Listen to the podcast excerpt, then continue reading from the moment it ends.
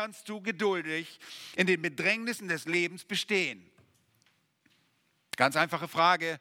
Und ich möchte euch anhand dieses Textes die Antwort geben, wie du in geduldig in den Bedrängnissen des Lebens bestehen kannst. Ganz einfach. Nun, auf diese Frage liefert dieser Text die Antwort und wir wollen die Bibel befragen. Und das Erste, was sie sagt, ist, indem du das Erscheinen unseres Herrn erwartest, kannst du geduldig bestehen in den Bedrängnissen des Lebens. Schaut mal in Verse 7 und 8. Da heißt es, habt nun Geduld, Brüder, bis zur Ankunft des Herrn. Siehe, der Bauer wartet auf die köstliche Frucht der Erde und hat Geduld ihretwegen, bis, und ich glaube, dass er hier die bessere Übersetzung wäre, bis er den Frühregen und Spätregen empfange. Habt auch ihr Geduld, stärkt eure Herzen. Also zweimal diese Aufforderung zur Geduld, denn die Ankunft des Herrn ist nahe gekommen. Nun, es ist sehr leicht zu erkennen, die Empfänger des Briefes werden zur Geduld aufgefordert. Sie werden dazu aufgerufen. Und das gleich zweimal. Einmal das erste Wort jeweils in Vers 7 und 8 im griechischen Text ist ein Befehl. Seid geduldig, habt Geduld.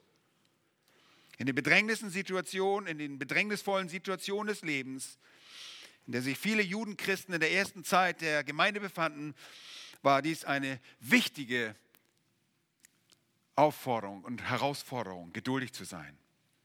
Nun, wie leicht konnte man unter diesen Umständen die Flügel hängen lassen?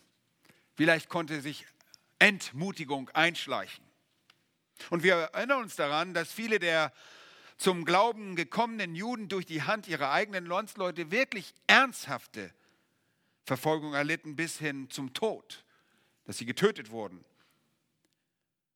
Sie verloren ihre Arbeit und sie lebten in Gefahr. Sie hatten Hunger und oft wird in dieser Epistel der Kontrast zwischen Reich und Arm angesprochen. Und aus diesem Grund erlebten auch viele von ihnen große, große Armut. Alles um sie herum sah irgendwie nach einer Niederlage aus. Und sicherlich fragte sich so mancher, wie lange wird dieses Elend in meinem Leben wohl anhalten? Wann würde diesem Elend wohl ein Ende gesetzt werden? Nun, ich weiß, dass wir uns diese Fragen manchmal stellen, wenn wir uns in Bedrängnissen, in Umständen und erdrückenden Lebensumständen finden und wir denken, dieser Umstand hat kein Ende. Wir fragen uns manchmal, wann wird das ein Ende nehmen? Sei es eine Krankheit, sei es vielleicht ein Alleinsein, sei es der Verlust einer Arbeit, eines Verlust eines, eines Geliebten. Nun, es gibt in unser aller Leben immer wieder bedrängnisvolle Umstände, deren Ende wir nicht in der Lage sind, selbst zu bestimmen. Nun, wir leben in einer gefallenen Welt und in dieser Welt gibt es diese Herausforderung. Sie gehören zu deinem Leben. Es gibt unerfüllte Wünsche, die dir nicht erfüllt werden in deinem Leben. Nun, das sind die Prüfungen und Bedrängnisse, die wir vielleicht erleben. Wir werden nicht geschlagen, wir werden nicht verfolgt um unseres Glaubens willen, bis jetzt nicht.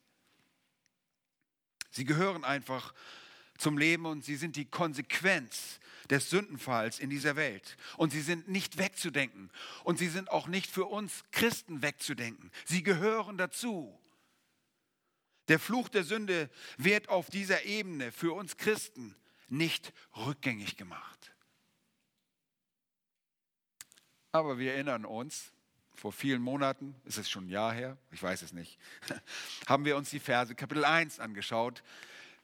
2 bis 4, da heißt es, haltet es für lauter Freude meine Brüder, wenn ihr in mancherlei Versuchungen oder Prüfungen geratet, indem ihr erkennt, dass die Bewährung eures Glaubens Ausharren bewirkt. Das Ausharren aber soll ein vollkommenes Werk haben, damit ihr vollkommen und vollendet seid und in nichts Mangel habt. Nun, die Versuchung in Kapitel 1, wir erinnern uns, haben wir als Bedrängnisse der, dieser Judenchristen identifiziert. Es handelt sich nicht um die Versuchung zum Bösen hin, sondern vielmehr um die Tests, um die Prüfungen des Glaubens, die sich aus ihren schwierigen Lebensumständen ergaben, in denen sie sich auf einmal ganz plötzlich befanden. Jakobus ist weise genug und er gibt keine Details zu diesen Prüfungen, denn diese kommen auf mancherlei Art und Weise und den unterschiedlichen Formen und Facetten. Und vor ein paar Monaten haben wir gesagt, dass wir Pflichten haben inmitten dieser Bedrängnisse, nämlich Pflichten, die unseren Glauben verifizieren, die unseren Glauben bestätigen. Und diese waren Freudigkeit inmitten von Bedrängnissen, Verständigkeit und Unterwürfigkeit. Sich Gott zu unterwerfen ist nötig, damit die Bewährung unseres Glaubens letztlich Ausharren bewirken kann. Geduld und Langmut bewirken kann. Wir werden nicht geduldig, wenn wir daraus weglaufen. Aber wenn wir darunter bleiben, werden wir geduldig, werden wir Ausharren erlangen. Nun, diese Geduld hat jeder nötig. Ich glaube, dessen sind wir uns bewusst.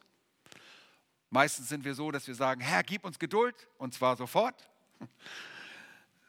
Nein, Gott bringt Bedrängnis in unser Leben, um das zu bewirken. Nicht um der Geduld willen, sondern weil diese Geduld letztlich Gott ehrt und uns zur Reife bringt, um seinetwillen.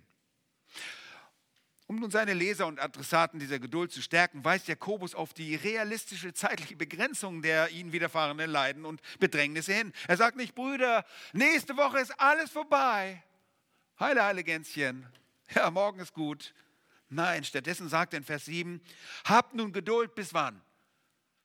Bis nächsten Ostern. Nein, bis zur Ankunft des Herrn. Oh, Vers 8. Die Ankunft des Herrn ist nahe gekommen. Und die Christen lebten in einer Nahzeiterwartung der Ankunft Christi. Sein Erscheinen stand ihnen unmittelbar vor Augen. Und Jakobus beschreibt dies auch mit unmissverständlicher Sprache in Vers 9, wenn er sagt, der Richter steht vor der Tür. Jeder, der die Tatsachen der unmittelbar bevorstehenden Ankunft Jesu begreift, wird hoch motiviert und weiß, dass mit der Ankunft des Herrn für seine Gemeinde alles Leid, alle Bedrängnisse, aller Kummer, alles ein Ende haben wird. Und im Lichte dieser Tatsache sollten die Empfänger einfach ihre Herzen stärken, das heißt, sich am inneren Menschen stärken lassen.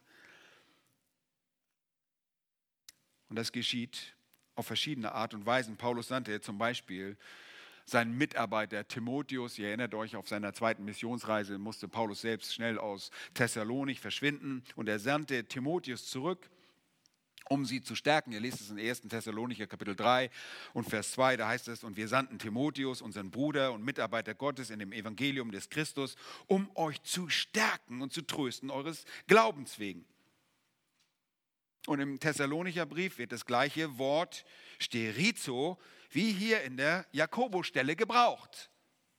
Nun, wie hat Timotheus wohl die Thessalonicher gestärkt? Wie hat er sie gefestigt?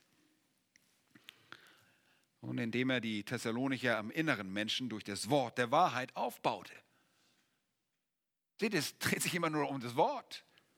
Er ermutigte sie und erinnerte sie daran, er erinnerte sie an die bereits bekannten Wahrheiten. Und das sehen wir auch bei Petrus, im Petrusbrief, im zweiten Petrusbrief, Kapitel 1 und Vers 12 sagt Petrus, Petrus, deshalb will ich Sorge tragen, euch immer an diese Dinge zu erinnern, obwohl ihr sie wisst. Ist es nicht das, was wir brauchen? Erinnerung obwohl ihr sie wisst und in der bei euch vorhandenen Wahrheit gestärkt seid. Diese Wahrheiten stärken uns. Das ist nicht irgendwas Neues. Da kommt nicht ein Prediger, der steht auf der Kanzel und sagt, ich habe was Neues gefunden. Jetzt habe ich den Schlüssel zu euren Herzen entdeckt. Nein, es ist das altherkömmliche Wort, die alten Wahrheiten der Schrift. Sie stärken unsere Herzen. Und das bedeutete also, dass sich die Judenchristen in der Diaspora gedulden und am inwendigen stärken, Menschen stärken sollten, bis Jesus erscheinen würde. Jakobus gibt seinen Adressaten dazu ein hoch motivierendes, ihnen bekanntes Beispiel der Geduld aus dem Bereich der Landwirtschaft. Das ist nicht irgendwie eine Allegorie, die jetzt angeführt wird, sondern einfach ein, eine Verdeutlichung an einem Beispiel. Vers 7, schaut in den Text. Siehe, der Bauer wartet auf die köstliche oder kostbare Frucht der Erde und hat Geduld ihretwegen. Bis er, ich glaube, der Bauer ist hier Sub, das Subjekt, bis er den Frühregen und Spätregen empfangen. Die Frucht war ja noch nicht geworden, die konnte nicht den Spät- und Früh- und Spätregen empfangen. Grammatikalisch ist es besser, dass er hier diesen Früh- und Spätregen empfängt. Hier wird ein Bauer benannt, der bekanntlich, bevor er das Privileg einer kostbaren, ich glaube, der Gedanke ist kostbar, nicht köstlich. Es geht nicht um das, den köstlichen Geschmack einer Frucht, sondern um das Kostbare dieser äh, Ernte. Bevor er diese kostbare Ernte erleben kann und diese veräußern kann, warten muss. Er musste warten, bis der Früh- und Spätregen kam. Nun, in Israel ist es folgendermaßen. Der im Herbst eintretende Frühregen in Israel kommt so um die Zeit September, November. Und er weicht gewissermaßen den Ackerboden auf, sodass die Saat ausgestreut werden kann, dass der Boden bebaubar war, bepflanzbar war.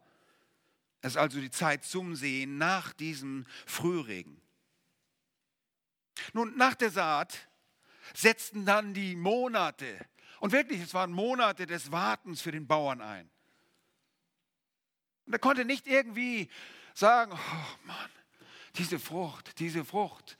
Und im Januar irgendwie losgehen und seine Schaufel nehmen und das Zeug ausgraben und meinen, diese nicht fertig gewachsene Frucht irgendwo auf irgendeinem Markt verkaufen zu können. Er musste Geduld haben.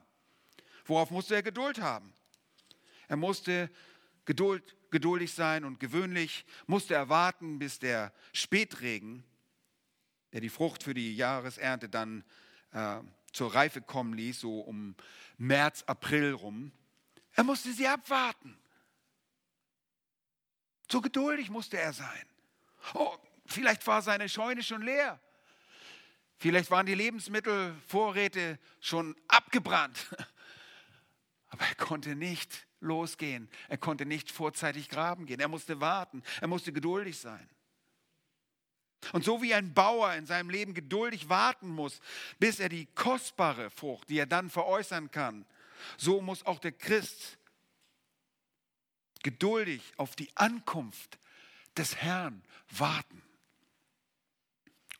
bis die Zeit reif ist. Nun, so sagen die Spötter, wir warten jetzt schon 2000 Jahre auf die Ankunft des Herrn ja, eures Herrn Gottes, wo ist er denn?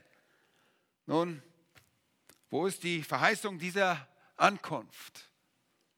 Und ihr wisst, so sprechen nur die Narren. Kein Mensch wartet schon 2000 Jahre. Und ich bin schon ziemlich alter Knacker, das gebe ich zu. Aber ich warte noch keine 50 Jahre. Ich bin erst 45 Jahre gläubig und ich warte noch nicht mehr 45 Jahre. Und wenn, dann noch nicht mal mit aller Intention. Das ist das Höchste, was ich warte, vielleicht 45 Jahre. Aber was sind 45 Jahre, wenn beim Herrn ein Tag wie 1000 Jahre ist und 1000 Jahre wie ein Tag? Wisst ihr, keine Angst, unser Herr ist nicht am Altern. Da sitzt nicht irgendwie so ein alter Mann mit so einem langen weißen Bart, der nicht weiß, was er zu tun hat und dass er irgendwann noch einschläft da oben. Nein, für ihn ist auch unser Leben nur ein was? Ein Dampf. Das ist gar nichts, ein Augenblinzeln. Die Bibel macht auch deutlich, dass nicht jeder bei der Ankunft Jesu noch auf der Erde leben wird, sondern dass es Tote, dass es Entschlafene in Christus geben wird. Warum hatten sich die Thessalonicher besorgt? Die sagen, oh meine Güte, sind ja einige jetzt gestorben. Was passiert eigentlich mit denen, die in Christus gestorben sind? Der Herr kommt doch bald wieder. Was ist denn los mit denen? Und könnt ihr nachlesen, 1. Thessalonicher 4, Abvers 13. Und außerdem schildert uns Petrus davon, dass es die Langmut des Herrn ist, die wie eine scheinbare Verspätung aussieht. In 2. Petrus 3, Vers 9 heißt es deshalb, der Herr verzögert nicht die Verheißung, wie es einige für eine Verzögerung halten, sondern er ist langmütig euch gegenüber, da er nicht will, dass irgendwelche verloren gehen, sondern dass alle zur Buße kommen. Seht ihr, der Herr ist selbst geduldig. Und so müssen auch wir geduldig sein bis zur Ankunft des Herrn. Er selbst ist geduldig. Wenn er das nicht wäre, wisst ihr, wo er dann wäre? Wir wären in der äußersten Hölle, wenn Gott nicht geduldig mit uns wäre. Aber der Herr will seinen Himmel bevölkern und er wartet auf alle Erwählten, bevor er erscheint. Er ist geduldig. Ihr Lieben, wenn ihr euch momentan in bedrängnisvollen Lebenslagen befindet, dann will ich euch mit Jakobus auffordern, geduldig zu sein und die Ankunft unseres Herrn zu erwarten.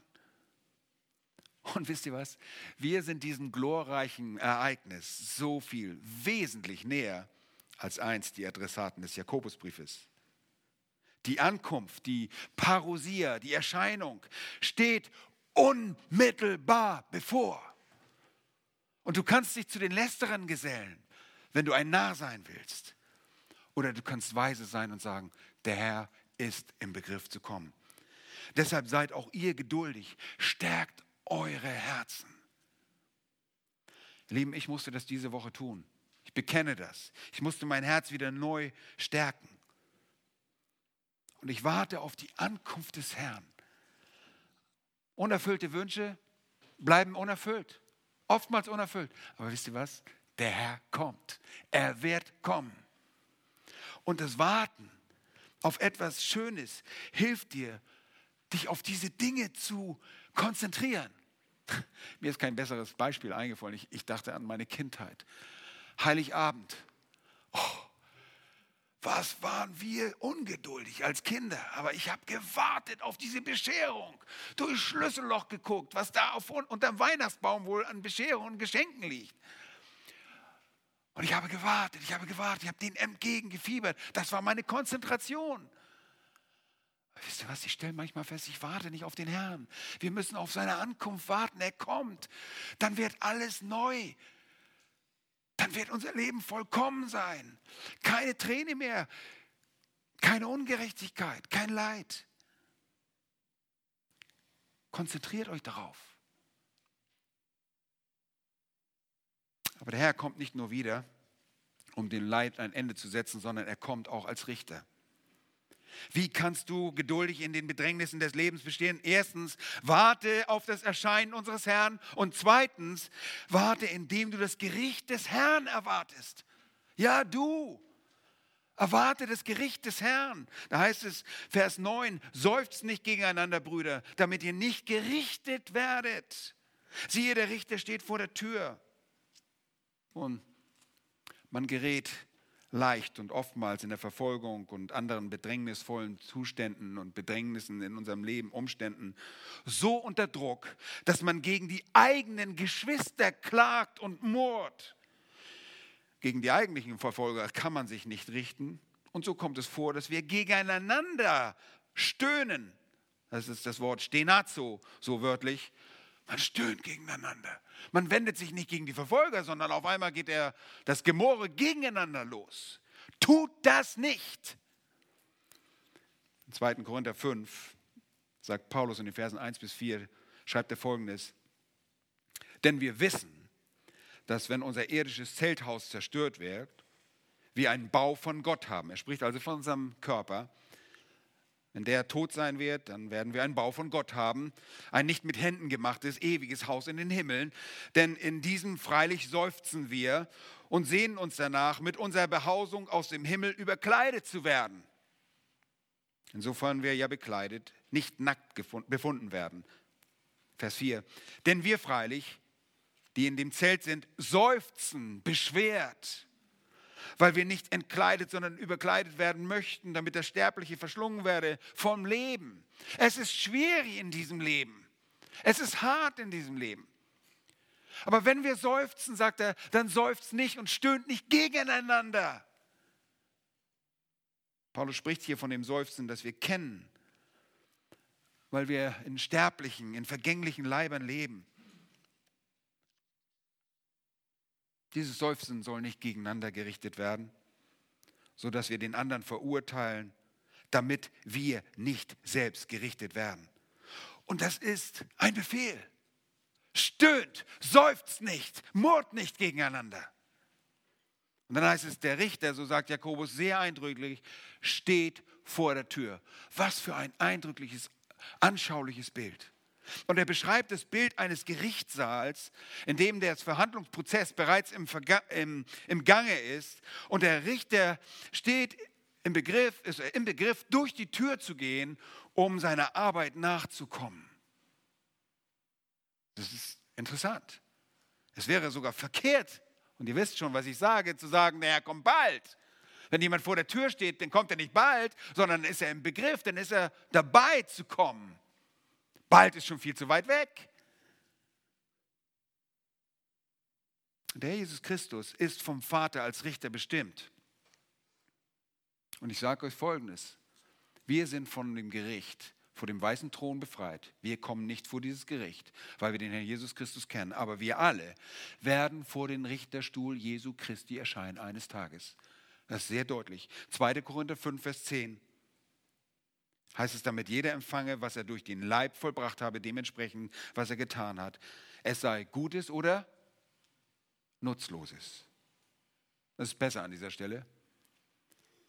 Manchmal produzieren wir als Christen einfach nutzloses Zeug. Dessen sollen wir uns bewusst sein. Wir müssen uns bewusst sein, wir werden gerichtet. Wir stehen in der Gefahr,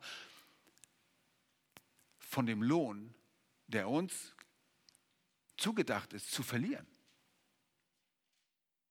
Wir handeln also richtig, wenn immer es bedrohlich um uns wird oder wir so empfinden, nicht bei den anderen die Schuld für die Miseren unseres Lebens zu suchen, sondern in Geduld und in der Stärkung des eigenen Herzens auf den Herrn zu warten, den Richter, der vor der Tür steht und der mit uns ins Gericht gehen wird. Und das zeigt uns, dass wir in der Gefahr sind, wirklich von dem Lohn, der für uns vorgesehen ist, zu verlieren. Wir sollen das nicht auf die leichte Schulter nehmen. Ja, wir, wir werden nicht für unsere Sünde gerichtet. Jesus ist bereits am Kreuz gerichtet. Wir können nicht verdammt werden. Es gibt keine Verdammnis für die, die in Christus Jesus sind. Aber wir können Lohn verlieren. Wir können gerettet werden, aber wie durchs Feuer hindurch, sagt 1. Korinther 3. Wir können nackt durch dieses Feuer hindurchgehen und bringen nichts mit. Wir bekommen nichts. Alles wird verbrannt. Und dieses Bewusstsein müssen wir haben. Deshalb lasst uns in den Bedrängnissen und Prüfungen des Lebens, in die wir alle kommen, garantiert, statt gegen unsere Geschwister zu seufzen, auf die Erscheinung des Herrn warten. Und das in dem Wissen, dass er das als Richter tun wird. Wir werden vor dem Bema stehen. Das ist der griechische Ausdruck. Ich stand dort an den Ruinen in Korinth vor dem Bema, dem Richterstuhl, da wo die Richter ihre Urteile gesprochen haben. Und ich stelle die Frage zum dritten Mal, wie kannst du geduldig in den Bedrängnissen des Lebens bestehen? Erstens, indem du das Erwarten, dass du das Erscheinen unseres Herrn erwartest. Zweitens, indem du erwartest, dass er als Richter kommen wird. Und drittens, indem du dem Beispiel der Diener Gottes folgst. Schaut in den Text in Vers 10. Folge dem Beispiel der Diener Gottes. Da heißt es in Vers 10, nehmt Brüder zum Vorbild des Leidens und der Geduld die Propheten, die im Namen des Herrn geredet haben. Es ist eine riesige Ermutigung inmitten der bedrängnisvollen Lebenssituation, im Leid und Elend, das auch beim Christen keinen Halt macht, wenn man über diejenigen nachsinnt, die ähnliches Leid vor uns durchgemacht haben und deren Leid für uns aufgezeichnet wurde. Und zwar sollen wir nicht nur an irgendwelche Menschen denken, sondern wie der Text es sagt und Jakobus dazu auffordert, sollen wir die Propheten für die Geduld und das Leid als Vorbild nehmen. Die Propheten selbst. Was wird über diese Propheten gesagt? Wir gucken in die Apostelgeschichte als Beispiel. Wir stellen fest, wie Stephanus davon berichtet. In Kapitel 7, Vers 52 sagt er, welchen der Propheten haben eure Väter nicht verfolgt? Rhetorische Frage. Sie wussten alle, alle wurden verfolgt. Und sie haben die getötet, welche die Ankunft des Gerechten vorher verkündigten, dessen Verräter und Mörder ihr jetzt geworden seid. Und wenn wir an die Sprecher Gottes im Alten Testament denken, dann wird uns bewusst, dass sie alle mit irgendeiner Form des Leides zu tun hatten. Und genau wie jene geduldig dieses Leid und jegliche Art der Bedrängnis erlitten, so können auch wir geduldig in bedrängnisvollen Zeiten bestehen. Das können wir. Wir sind von Gott dazu befähigt. Greifen wir nur einen Propheten raus. Wer ist der Prophet des Leidens? Jeremia. Er ist dadurch sehr bekannt geworden. In Jeremia 20, ich lese aus Jeremia 20, Vers 7 und folgende vor, bekommen wir einen Einblick in dieses unsagbare Leid dieses Propheten. Und da heißt es, Jahwe, du hast mich betört und ich habe mich betören lassen. Du hast mich ergriffen und überwältigt. Ich bin zum Gelächter geworden den ganzen Tag. Jeder spottet über mich. Denn so oft ich rede, muss ich schreien, Gewalttat und Zerstörung rufen. Denn das Wort Jahwes ist mir zur Verhöhnung und zur Verspottung geworden den ganzen Tag. Und sage ich, ich will nicht mehr an ihn denken und nicht mehr in seinem Namen reden, so ist es in meinem Herzen wie ein brennendes Feuer. Er hat gedacht, ich höre einfach auf, ich will nicht mehr, ich kann nicht mehr, ich höre auf. Aber dann war es wie ein brennendes Feuer in seinem Herzen. Er musste reden, er wusste das. Eingeschlossen in meinen Gebeinen war das, dieses brennende Feuer. Und ich habe mich vergeblich abgemüht, es weiter auszuhalten. Ich kann nicht mehr, sagt er. Vers 10. Denn ich habe das Gerede von vielen gehört. Schrecken ringsum, Zeigt ihn an. Wir wollen ihn anzeigen. Alle meine Freunde lauern auf meinen Fall. Vielleicht lässt er sich verleiten, sodass wir ihn überwältigen und unsere Rache an ihm nehmen können. Und dann spricht er sein Vertrauen aus, Vers 11. Aber Jahwe ist mir wie ein gewaltiger Herr, Held. Darum werden meine Verfolger hinstürzen und mich nicht überwältigen. Sie werden völlig zu Schanden werden, weil sie nicht verständig gehandelt haben. Eine ewige Schande, die nicht vergessen wird. Und du, Jahwe Zebaoth, der du den Gerechten prüfst, Nieren und Herz siehst, lass mich deine Rache an ihnen sehen. Darum bittet er. Denn dir habe ich meine Rechtssache anvertraut. Singt Jahwe, lobt Jahwe, denn er hat die Seele des Armen errettet aus der Hand der Übertreter. Verflucht sei der Tag, an dem ich geboren wurde. Und hier fällt er wieder zurück in sein Leid, in sein Klagen. Verflucht sei der Tag, an dem ich geboren wurde, der Tag, an dem meine Mutter mich gebar. Sei nicht gesegnet. Verflucht sei der Mann, der meinem Vater die frohe Botschaft brachte und sagte, ein Sohn ist dir geboren und der ihn damit hoch erfreute. Dieser Mann werde den Städten gleich, die Jahwe umgekehrt hat, ohne es zu bereuen. Und er höre Geschrei am Morgen und Kriegsgeschrei bis zur Mittagszeit, weil er mich im Mutterleid nicht schon getötet hat, sodass meine Mutter mir zu meinem Grab geworden und ihr Leib ewig schwanger geblieben wäre. Wozu nur bin ich aus dem Mutterleid hervorgekommen, um Mühsal und Kummer zu sehen und dass meine Tage in Schande vergehen? Ihr Lieben, er war ein geplagter Mann, aber er blieb ein treuer Mann. Wir wissen von Jeremia, dass er seinen ganzen Dienst über vergeblich predigte, Buße, zu Buße aufrief, zur Umkehr. Aber sich keiner von dieser Botschaft in irgendeiner Art und Weise über 30, 40 Jahre nicht in keiner Weise beeindrucken ließ. Stelle ich mir entsetzlich vor. Wir sind hier mit der Gemeindearbeit in 2002 angefangen. Wir sind auf die Straßen gegangen. Wir haben wenig Frucht gesehen. Das stimmt. Aber Gott hat Gnade geschenkt, dass Menschen umgekehrt sind. Stell dir vor, hier predigt einer 30, 40 Jahre und dann sieht er, wie das Gericht über das Südreich kommt und Gott Gericht ausübt. Und wie Jeremia, so haben auch andere alttestamentliche Glaubenshelden, einschließlich Johannes der Täufer, der übrigens ein alttestamentlicher Prophet ist. Warum? Weil er vor Christus gestorben ist, vor dem neuen Bund. Er wurde sogar enthauptet. Er blieb treu. Er war mutig. Er hat mutig das Wort Gottes gesprochen und starb. Nun, die Propheten und ich gehe davon aus, dass hier primär die alttestamentlichen Propheten, es gibt auch neutestamentliche Propheten gemeint sind, aber sie sollen uns zur Ermutigung dienen. Das ist wahr, wenn wir diese Geschichten lesen von den Propheten. Es ist erstaunlich, was sie getan haben. Dann sehen wir ihre Verzweiflung, wie der Herr sie wieder aufrichtet. Manchmal werden sie getötet. Von einigen wird gesagt, dass sie zersägt wurden von Jesaja mit einer Holzsäge zersägt wurden. Wir wissen es nicht, das ist außerbiblische Offenbarung gewesen jetzt. Nun, was uns geschieht, ist demnach nichts Besonderes, sondern wir befinden uns in unserem Leib in guter Gesellschaft. Wir finden uns in guter Gesellschaft.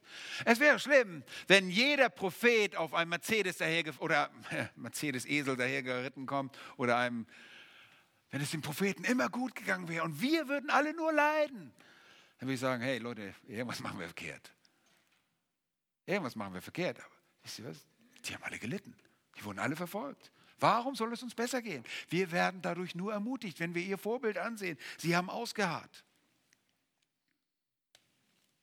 Deshalb folge dem Beispiel der Diener Gottes in Bezug auf die Geduld und auf erfahrenes Leid. Schau sie dir an. Aber das ist noch nicht alles, was Jakobus anführt. Und ich stelle die Frage ein weiteres Mal, wie kannst du geduldig in den Bedrängnissen des Lebens bestehen? Erstens, indem du das Erscheinen unseres Herrn erwartest, indem du das Gericht des Herrn in seinem Erscheinen erwartest und drittens, indem du dem Beispiel der Diener Gottes befolgst und viertens jetzt, indem du die, auch die Segnung Gottes verstehst. Jetzt kommen drei Sachen, die du verstehen musst. Erstens, verstehe die Segnung Gottes. Schaut einmal in Vers 11, in die erste Hälfte. Da heißt es, siehe, wir preisen die glückselig, die ausgeharrt haben. Und mit diesem Wort siehe, will er die Aufmerksamkeit seiner Leser zurückgewinnen. Passt auf! Ich sage, passt auf jetzt! Was kommt, entspricht der Wahrheit und ist wichtig für die Worte, die hier stehen, die da heißt es, wir preisen die glückselig. Und sie leiten einen weiteren Grund ein, warum wir im Leiden und der Bedrängnissen einer Prüfung geduldig bestehen können. Es ist das den Empfängern allgemein bekannte Wissen, dass der Herr solche gesegnet hat, die das Leid ertragen haben. Und das Verb ausharren, Hypomeno, steht in Bezug zu dem Substantiv Hypomone, das wir schon bereits in Kapitel 1 die Verse 3 bis 4 betrachtet haben. Dieses Wort bezieht sich auf das geduldige Ertragen von schwierigen Umständen und Prüfungen. Ich weiß, das ist so schwierig.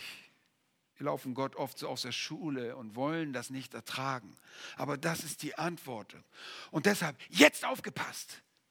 Menschen, die ausharren, Menschen, die in, der Bedrängnis, in den Bedrängnissen geduldig ausharren und das ertragen, sind das Objekt göttlichen Wohlgefallens.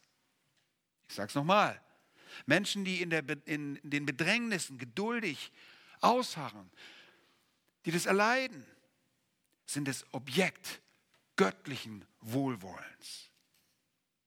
Nun, keiner, kein anderer als Paulus verstand es so gut. Und er offenbarte das in diesen tiefsinnigen Worten, die er schreibt in 2. Korinther Kapitel 12, die Verse 7 bis 10. Ich lese sie vor.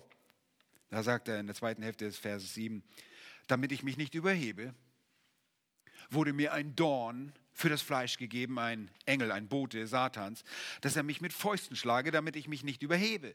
Um dessen Willen habe ich dreimal den Herrn angerufen, dass er von mir ablassen möge. Kann man sich vorstellen? Herr, das kann ich nicht ertragen. Hilf mir dabei. Das hat er dreimal gemacht. Und er hat zu mir gesagt, meine Gnade genügt dir. Er hat nicht gesagt, ich werde das beseitigen. Nein, er sagt, meine Gnade genügt dir. Denn meine Kraft kommt in Schwachheit zur Vollendung. Sehr gerne will ich mich nun vielmehr meinen Schwachheiten rühmen, damit die Kraft Christi bei mir wohne. Deshalb, hört mal gut zu, habe ich Wohlgefallen an Schwachheiten, an Misshandlung. Wie bitte? Sagt es nochmal, Paulus.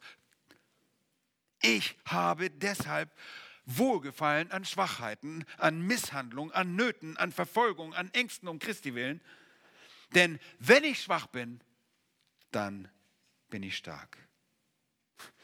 Und an anderer Stelle führt Paulus eine imposante Liste all seiner Bedrängnisse auf.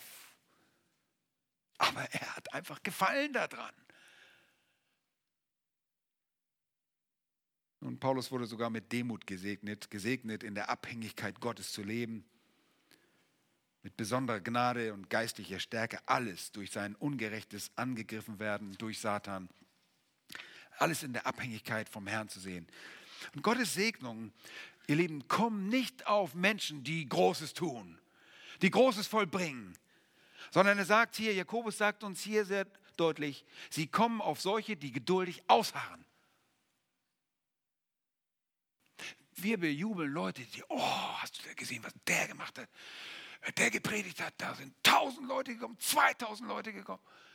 Wisst ihr was? Wir preisen die Leute selig, die im Leid geduldig ausharren.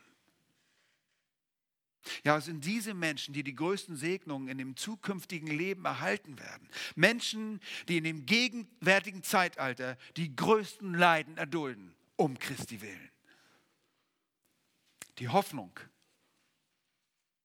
der gegenwärtigen Segnungen Gottes und die Hoffnung der zukünftigen Herrlichkeit sollten dich als Leidenden zum geduldigen Ausharren motivieren. Aber nicht genug. Und ich stelle die Frage nochmals, wie kannst du geduldig in den Bedrängnissen des Lebens bestehen? Wir haben gesehen, indem wir auf das Erscheinen unseres Herrn warten. Wir warten ihn als den kommenden Richter und drittens, indem wir dem Beispiel der Diener Gottes folgen. Und viertens, indem du die Segnungen Gottes verstehst. Fünftens, indem du die Absichten Gottes verstehst. Sagt euch Vers 4, äh, der, der vierte Punkt, du verstehst die Segnung, du verstehst überhaupt die Absichten Gottes. Schaut in Vers 11b. Da heißt es, vom Ausharren Hiobs habt ihr gehört und das Ende des Herrn habt ihr gesehen. Und ihr wisst und kennt diese Geschichte des Hiob, der ein unsagbares Leid kam, ohne dass er wusste, was wirklich vor sich ging. Er hat keine Ahnung, was dem, hinter dem Vorhang der Geschichte vor sich ging, dass Satan die Genehmigung bekam, vor den Herrn zu treten, dass Satan die Genehmigung bekam, diesen Mann anzugreifen, sein hab und Gut, das Leben seiner Familie. Hiob hat unsagbare Qualen erlitten. An seinem eigenen Körper, den Verlust von Gütern seiner Familie und er hatte eine dumme Frau. Stellt euch, das ist das Schlimmste von allem. Aber wisst ihr was? Von Hiob wird gesagt, Kapitel 1, da stand Hiob auf, er zerriss sein Obergewand, nachdem er erfahren hatte, was passieren war. Er schor sein Haupt, fiel auf die Erde und betete und er sagte, nackt bin ich aus meiner Mutter Leib gekommen und nackt kehre ich dahin zurück. Jahwe hat gegeben, Jahwe hat genommen. Der Name Jahwes sei gepriesen. Bei all dem sündigte Hiob nicht und legte Gott nichts Anstößiges zur Last. Ein wunderbares Vorbild weil es nicht Gottes Absicht war, einfach jemanden sadistisch quälen zu lassen, sondern er hat, verfolgte ein Ziel. Er verherrlichte sich durch das Leid des Hiobs. Satan ging als Geschlagener davon. Satan konnte nicht erlangen, was er wollte. Er konnte nicht den Tod dieses Mannes erreichen und er konnte auch nicht erreichen, dass dieser Mann, dieser Hiob, seinem Glauben absagen würde, obwohl seine Frau das gesagt hatte. Sag deinem Gott ab und stirb. Ja, toller Ratschlag. Hey, ich hoffe, dass deine Frau besser ist. Lieben, verstehe die Absichten Gottes. Er wollte segnen, er wollte sich verherrlichen und er hat sich durch diesen Mann verherrlicht. Nach dem durchlebten Leid wurde Hiob wiederhergestellt und überreich beschenkt. In Hiob 42 lesen wir das ab Vers 10 und Jahwe wendete das Geschick Hiobs. Als der für seine Freunde Fürbitte tat und Jahwe vermehrte alles, was Hiob gehabt hatte, auf das Doppelte, da kamen zu ihm all seine Brüder und all seine Schwestern und alle, die ihn früher gekannt hatten, und sie aßen mit ihm Brot in seinem Haus und sie bekundeten ihm ihre Teilnahme und trösteten ihn wegen all des Unglücks, das wer gebracht hatte? Jahwe über ihn gebracht hatte. Jahwe Gott ist der Souveräne darüber. Wenn du in leidvollen Situationen steckst in deinem Leben, dann nicht, weil du da irgendwie aufgrund irgendwelcher unglücklichen Zustände hineingekommen bist, sondern weil Gott über deinem Leben wacht und er dein Bestes will. Egal was es ist, sogar deine eigene Sünde muss zu deinem Besten dienen, ultimativ. Und sie gaben ihm wieder jeder eine Kisita und jeder einen goldenen Ring. Und Jahwe segnete das Ende Hiobs mehr als seinen Anfang. Und er bekam 14.000 Schafe und 6.000 Kamele und 1.000 Gespanne Rinder und 1.000 Eselinnen. Und es wurde ihm sieben Söhne und drei Töchter geboren. Und die Namen muss ich jetzt unbedingt sagen, sonst ist Daniel nicht froh. Und er gab den ersten den Namen Jemima. Herzlichen Glückwunsch, Juliane hat heute Geburtstag. Gratulieren dir herzlich. Du hast eine wunderbare Tochter. Ich glaube auch, dass sie so schön sein wird. So schöne Frauen. Die zweite hatte den Namen Kezia und der dritte den Namen Keren Happuch. Ich hatte eine Klassenkameradin, die hieß so, Keren Happuch.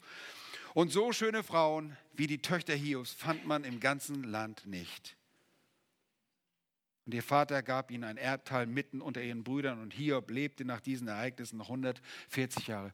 Gott ist so gütig.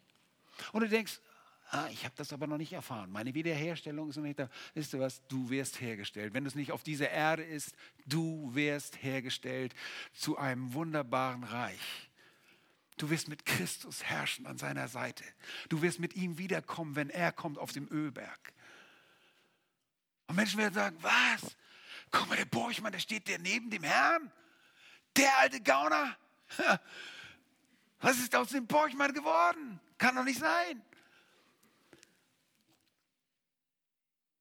Es ist einfach wunderbar. Das Beispiel des Hiob ermutigt alle Leidtragenden, das Schwere, das Unbegreifliche, die Bedrängnisse geduldig zu ertragen, in dem Wissen, dass die Absichten Gottes ihre Stärkung ist, die Vervollkommnung der, ihrer Person. Und dass am Ende die reichen Segnungen Gottes folgen werden. Mit den Worten des Apostel Paulus können wir sagen, wir wissen aber, dass denen, die Gott lieben, alle Dinge zum Guten mitwirken, denen, die nach dem Vorsatz berufen sind. Römer 8, 28. Glaubt ihr das? Ich glaube das. Ich habe mich dazu entschieden, das zu glauben. Wie kannst du geduldig bestehen in den Bedrängnissen des Lebens? Indem du wartest auf die Erscheinung des Herrn indem du wartest, dass er als Richter kommt, indem du die Diener Gottes als Beispiel nimmst, dass du darauf achtest, wie sie da durchgegangen sind und viertens, indem du die Segnung Gottes verstehst und indem du die Absichten Gottes verstehst. Und letztens, der, der letzte Punkt hier aus diesem Text ist, indem du einfach das Wesen Gottes verstehst. Verstehe das Wesen Gottes. Vers 11, der letzte Teil. Da heißt es, dass der Herr voll innigen Mitgefühls und barmherzig ist. Es ist nicht so, dass Gott dich in irgendwelche Umstände führt und irgendwo sagt, schöner Krimi, schöne, schöne sadistische Handlung. Oh nein, er ist voll innigen Mitgefühls. Er ist absolut barmherzig. Und oftmals verstehen wir nicht, worum es geht. wir laufen aus der Schule Gottes. Wir verstehen nicht und bestehen nicht in den Bedrängnissen des Lebens, weil wir das Wesen Gottes nicht richtig einschätzen. Wir haben das gestern gehört. Ja, wir klagen Gott im Prinzip an. Wenn wir nicht annehmen, was in unser Leben kommt. Irgendwie glauben wir, dass Gott an uns uns in die Kandare nehmen, an die Kandare nehmen will, dass er uns an den Kragen will. Tatsache ist jedoch, dass er voll innigen Mitgefühls ist und überaus barmherzig mit seinen Kindern. Er ist er gnädig und zwar mit einer Gnade umgibt er dich, die nicht wieder aufhört. Diese Gnade findet kein Ende. Und es ist nicht ungewöhnlich, dass Menschen inmitten von schweren Leid danach fragen, so wie es auch Hiob tat. Und ihr kennt diesen diese langen Ausführungen und seine törichten Freunde, die ihm Ratschlag geben, der nicht richtig war und er auch verzweifelt ist. Und wir sehen auch in dem, die Psalmisten in ihrer Verzweiflung, wie sie zu Gott kommen, aber sie werden immer wieder getröstet. Ich lebe das in meinem Leben und ich erlebe das in euer Leben, wie ihr verzweifelt seid. Wie ihr vielleicht sogar sagt, Gott, wo bist du? Wie der Psalmist im Psalm 30, hast du mich völlig vergessen? Und der Psalmisten fragt, schläfst du Gott? Und wir wissen ganz genau, Gott schläft nicht und er schlummert nicht. Der Hüter Israel schläft und schlummert nicht. Danach kommen wir zu der Einsicht, dass Gottes Wesen einfach nur Barmherzigkeit und Güte ist für seine Kinder. Dennoch glauben Menschen, können durch die Tatsache, dass der Herr voll innigem Mitgefühls und Barmherzigkeit ist, können wir immer wieder getröstet werden durch dieses Wissen, das wir von Gott haben. Und das ist auch das Zeugnis des Alten Testaments. In 2. Mose lesen wir bereits Kapitel 34, Verse 4 bis 7. Mose stand früh am Morgen auf und stieg auf den Berg Sinai, wo ihm Jahwe geboten hatte. Und er nahm die zwei steinernen Tafeln in seine Hand. Da stieg Jahwe in der Wolke herab und er trat dort neben ihn und rief den Namen Jahwes aus. Und Jahwe ging vor seinem Angesicht vorüber und rief, Jahwe, Jahwe, Gott, barmherzig und gnädig, langsam zum Zorn und reich an Gnade und Treue. Der Gnade bewahrt an Tausenden von Generationen der Schuld und Vergehen und Sünde vergibt, aber keineswegs ungestraft lässt, sondern die Schuld der Väter heimsucht an den Kindern und Kindeskindern, an den dritten und vierten Generationen. Wir sehen, Gott ist barmherzig und gnädig, langsam zum Zorn und reich an Gnade. Im Psalm 103, Vers 8 heißt es, barmherzig und gnädig ist Jahwe, langsam zum Zorn und groß an Gnade. Der Psalmist greift das auf, was Mose gesagt, was Mose erlebt hat. Psalm 112, Vers 4 heißt es, den Aufrichtigen strahlt Licht auf in der Finsternis. Er ist gnädig und barmherzig und gerecht. Psalm 116, Vers 5. Gnädig ist Jahwe und gerecht und unser Gott ist barmherzig. In dem Propheten Joel lesen wir in Kapitel 2, Vers 13. Und zerreißt euer Herz und nicht eure Kleider. Kehrt um zu Jahwe, eurem Gott. Denn ich bin gnädig und barmherzig, langsam zum Zorn und groß an Gnade und er lässt sich das Unheil gereuen. Und es ist geradezu bezeichnend und sehr passend, dass Jakobus hier mit dem Charakter, mit dem Wesen Gottes diesen Abschnitt beschließt. Es ist ein großer Trost zu wissen, wer unser Gott ist und wie er handelt. Und wer hätte das besser wissen können als Jakobus, der Halbbruder unseres Herrn Jesus Christus? Der lange neben ihm sicherlich in einem Haushalt wohnte und immer wieder erlebte, wie Gott gnädig und barmherzig ist in der Person Jesu Christi. Nun, es mag sein, dass du momentan gerade nicht in der schwersten Zeit deines Lebens bist. Auch das ist Barmherzigkeit. Dass es immer wieder Zeiten gibt, in denen wir aufatmen und uns stärken und an inwendigen Menschen uns kräftigen können. Deshalb lehren wir das Wort, deshalb lesen wir das Wort, deshalb wollen wir das Wort Gottes verstehen, weil das stärkt unseren inneren Menschen. Wir sind gewappnet für solche Zeiten. Vor ein paar Wochen haben wir diese Frage erhalten, wie können wir uns auf schwere Zeiten, wie können wir auf leidvolle Zeiten uns vorbereiten? Genau in dem, was wir tun. Das Wort Gottes zu lesen, das Wort Gottes zu verstehen, das Wort Gottes zu forschen, das Wort Gottes anzuwenden. Jakobus sagt, du kannst bestehen. Du kannst bestehen, indem du wartest auf das Erscheinen unseres Herrn. Indem du wartest und weißt, er kommt als Richter. Du kannst bestehen in diesen bedrängnisvollen Zeiten, wenn du dir die Diener Gottes anguckst und als Beispiel nimmst und ihnen folgst.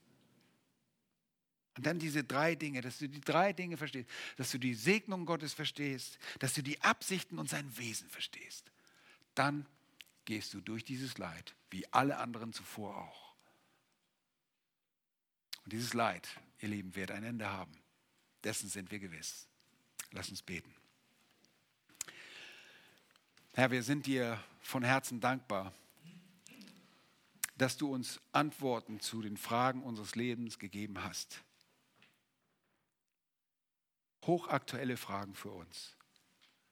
Herr, wir denken nur an unsere Geschwister, an die Jean Richards, die du durch schweres Leid hast gehen lassen, indem sie ihr Baby verloren haben.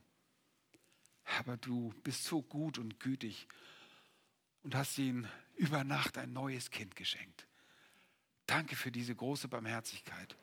Wir sind dir so dankbar, dass wir dich kennen aus der Schrift. Dass wir das nicht nur erleben, sondern dass wir aus der Schrift sehen, wie du wirklich bist. Und dass du verheißen hast, dass du allem Leid ein Ende machen wirst. Aller Krankheit, allem Schmerz, allem Krieg, allem Elend. Denn was du zusagst, das hältst du gewiss. Du bist der gütige Gott. Wir lieben dich dafür. In Jesu Namen. Amen.